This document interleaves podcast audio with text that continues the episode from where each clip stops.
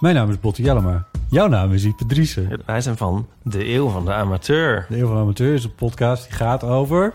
Alles. Het is een eh, podcast over levenskwesties die je niet kunt googlen. Een soort licht neurotische blik op het leven. Het is een podcast met humor. Jezus. Kijk, een grapje. Die, die vragen durft te stellen en die je ook onbeantwoord durft te laten. Mooi. met een regenboogvlagje. Dat, dat noem je queerbot. Dat an- regenboogvlagje, dat klinkt echt als een soort... Eh, ik bedoel, iedereen is welkom. Kom ons luisteren in je favoriete podcast-app.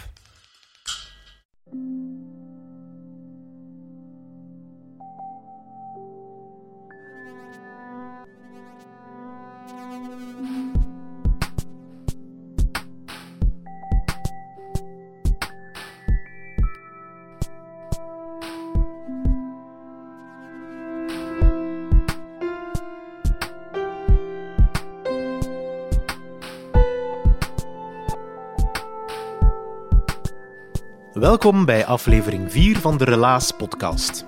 In Relaas vertellen mensen een waar gebeurd verhaal dat ze zelf hebben meegemaakt. Deze keer is dat het verhaal van Christella Shiriambere. Zij vertelt hoe ze op eenjarige leeftijd uit Rwanda is moeten vluchten en welke impact dat had op haar broer Loïc, een jongen met Wonderland-syndroom.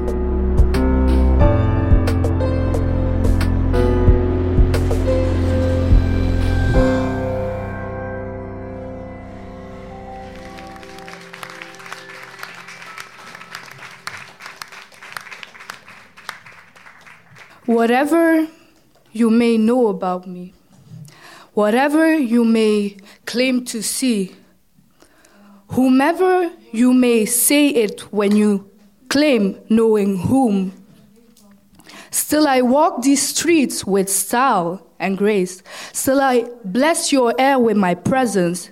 Still I catch the wonder on your questioned face, not knowing how I bend these mistakes into lessons. The same man that do not see now will march the path of regret later.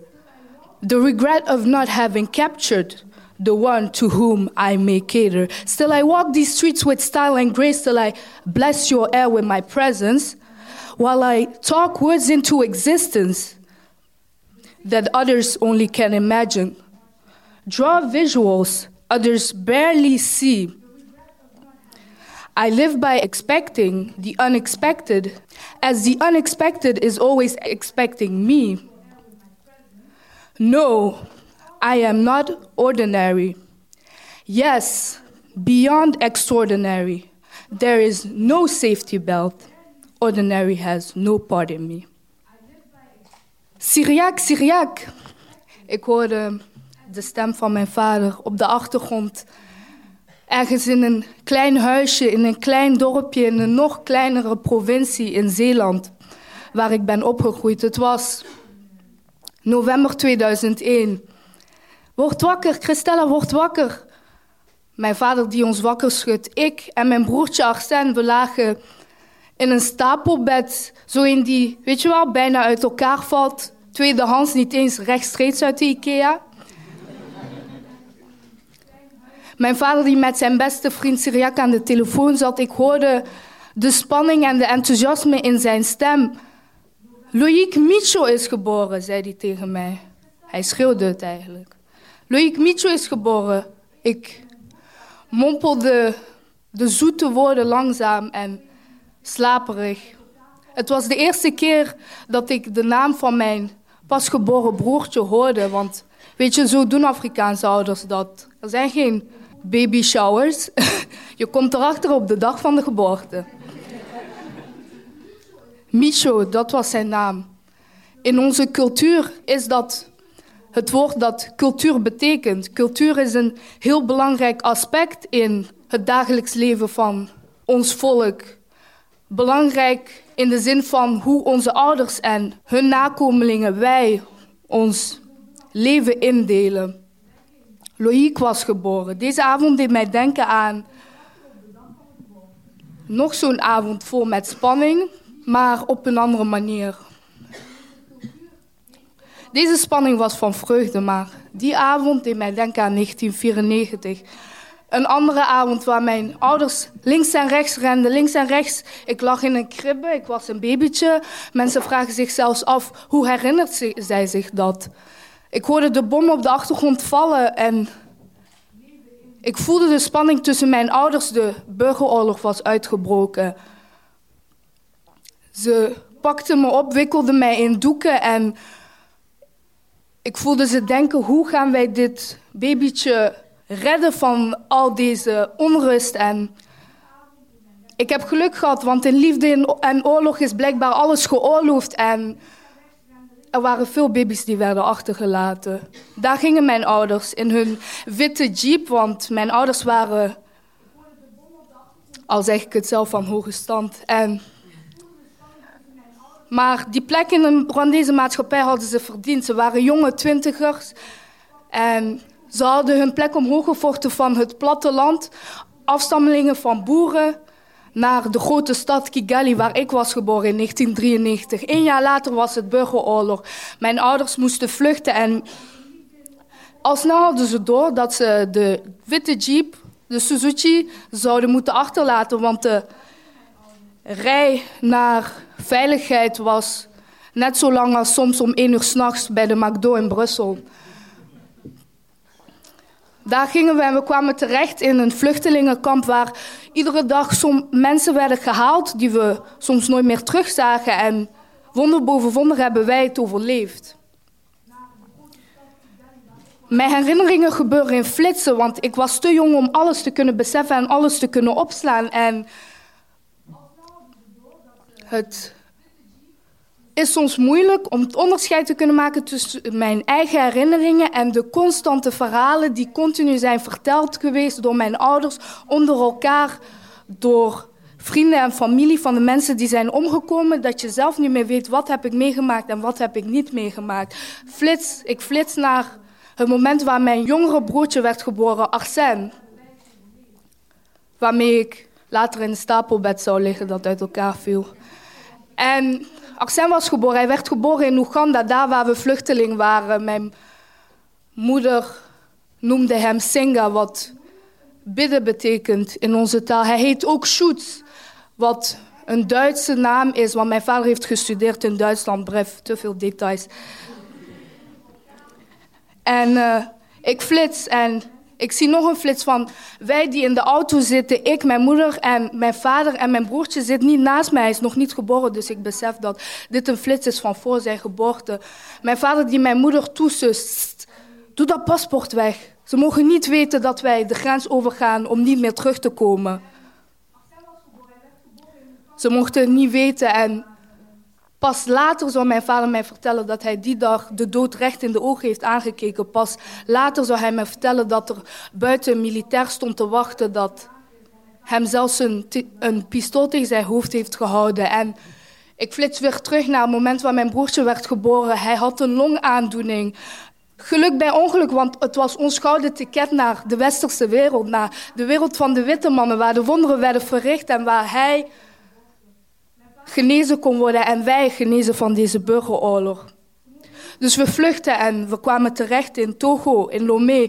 Het is daar zo warm dat mensen baden in hun eigen zweet. Het is daar zo warm, het doet me denken aan Zuid-Egypte, waar ik afgelopen zomer was. Mensen zijn daar net zo zongebrand als in Zuid-Egypte. Het is daar zo heet. Het is er zelfs heter dan de peper die ze daar eten. En in Togo had ik een suikeroom en hij had altijd een zakdoekje bij zich en hij veegde altijd de zweet van zijn voorhoofd en het was zoveel zweet en hij wrong het en hij veegde het weer af. En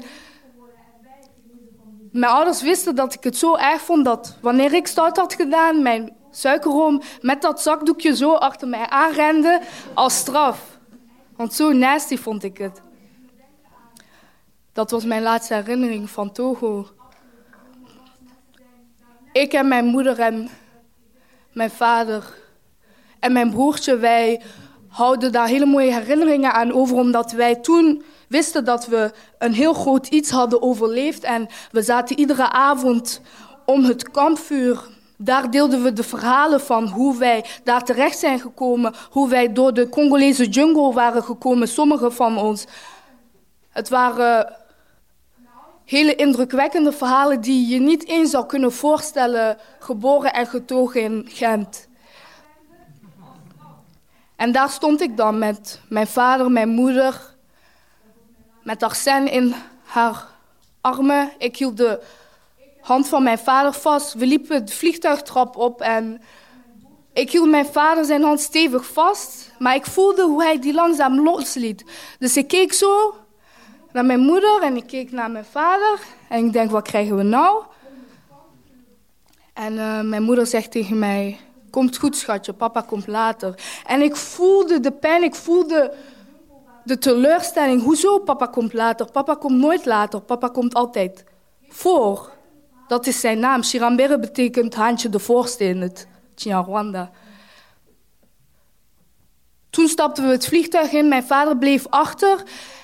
En toen het vliegtuig opsteeg, begon de pijn, de luchtdruk in mijn oren, de pijn, of was het de pijn van het voelen van de vader die ik net had achtergelaten. Het zou een jaar duren voordat ik hem weer terugzag in het asielzoekerscentrum. Maar hij kwam wel altijd met chocola, dus we waren altijd blij om hem te zien. Toen kwamen we aan in Nederland en het eerste wat ik voelde was de koude, snijdende wind. En ik dacht, hoe kan het zo koud zijn? Ik wist niet dat er zo'n koude plek op aarde was. Het asielzoekerscentrumleven was, was mooi, want we hadden allemaal verschillende kleurtjes. Dat was de enige plek in Nederland waar ik mij niet anders voelde. Want daar waren we allemaal vluchteling. Daar hadden we allemaal ruzie in onze thuislanden, zoals wij dat als kindjes noemden. Mijn Afghaanse vriendjes, mijn Afrikaanse vriendjes, mijn Zuid-Amerikaanse vriendjes. We waren daar allemaal één. Het mooie aan kind zijn is dat.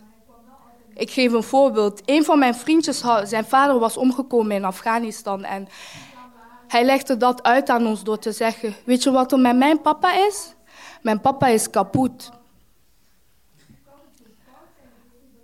In gebrekkig Nederlands. En we konden er toen allemaal om lachen, omdat we allemaal door dezelfde situaties heen waren gegaan. En ik heb daar zelfs in dat asielzoekerscentrum een, een pit geplant in de gedachte dat daar een boom uit zou groeien en dat ik later terug zou komen met al mijn vriendjes en dat we daar allemaal zouden leven en lang en gelukkig en nooit meer weg zouden gaan. Maar ik wist toen nog niet dat ik ze eigenlijk nooit meer terug zou zien.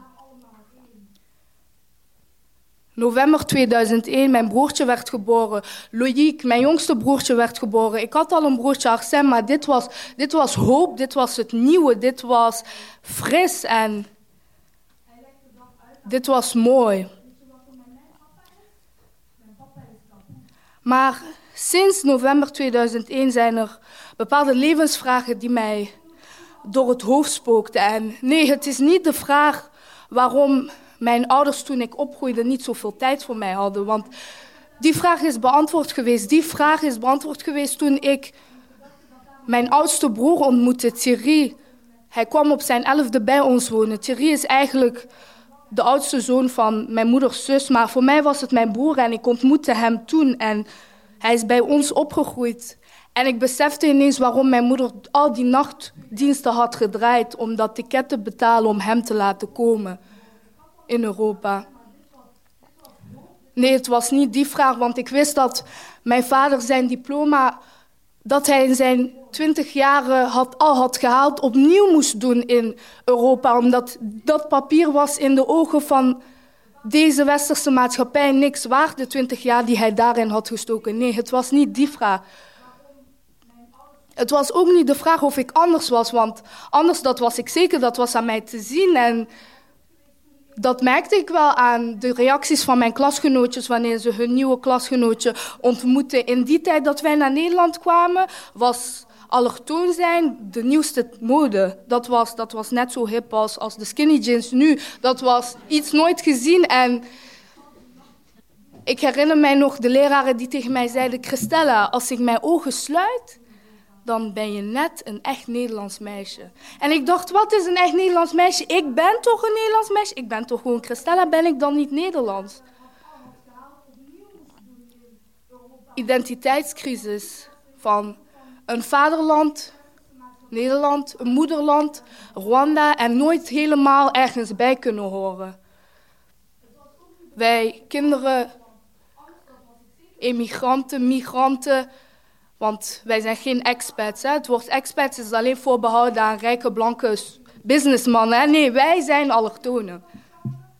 Maar ik wist dat ik een wereldburger was. Ik, ik was een wereldburger, ik ben een wereldburger en ik besef dat thuiskomen meer zozeer een gevoel is dan een destinatie, dan een plaats waar je naartoe kan werken, maar meer een gevoel dat je naartoe kan werken. Thuiskomen is thuiskomen bij vrienden en familie. Thuiskomen is thuiskomen in liefde en vriendschap.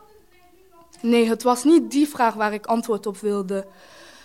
Het was ook niet de vraag of ik, of ik en mijn familie moordenaars waren. Want als ik in de geschiedenisboeken keek, dan zag ik... Miljoenen mensen zijn dood, maar alleen gematigde Hutus. En ik herinner mij de avond dat ik mijn oudste neef vroeg, maar... Ippa, wat ben ik dan? En hij zei mij, jij bent Hutu-meisje. En ik zei, maar ik ben dan toch een moordenaar? En hij zei, jij hebt toch niemand vermoord?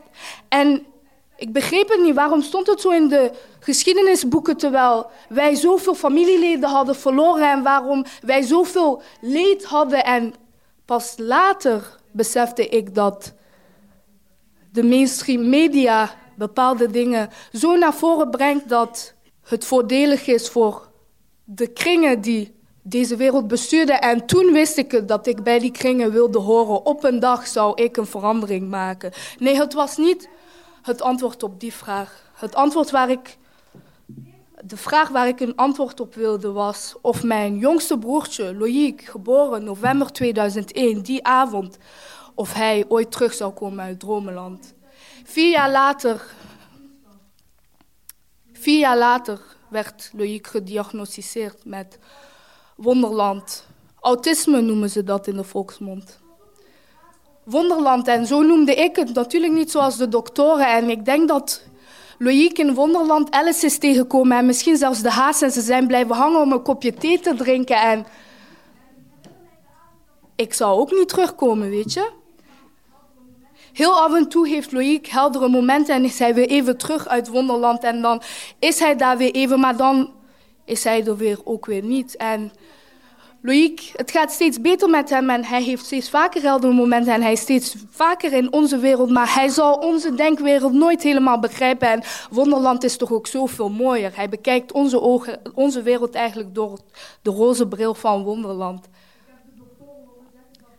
Ik heb de doktoren horen zeggen dat er geen vliegtuigen vertrekken vanuit onze ideeënwereld naar Wonderland. Dat ik er niet naartoe kan en dat er maar een aantal gelukkige jaarlijks naartoe kunnen. Zo'n 10.000 over de hele wereld. In de meeste gevallen zijn het jongetjes.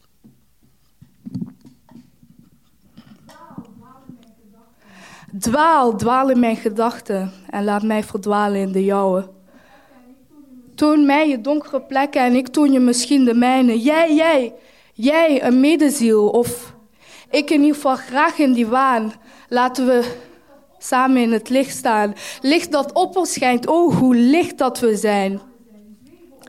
Laat ons samen zijn, zweven, omarmen en geven. De essentie van dit moment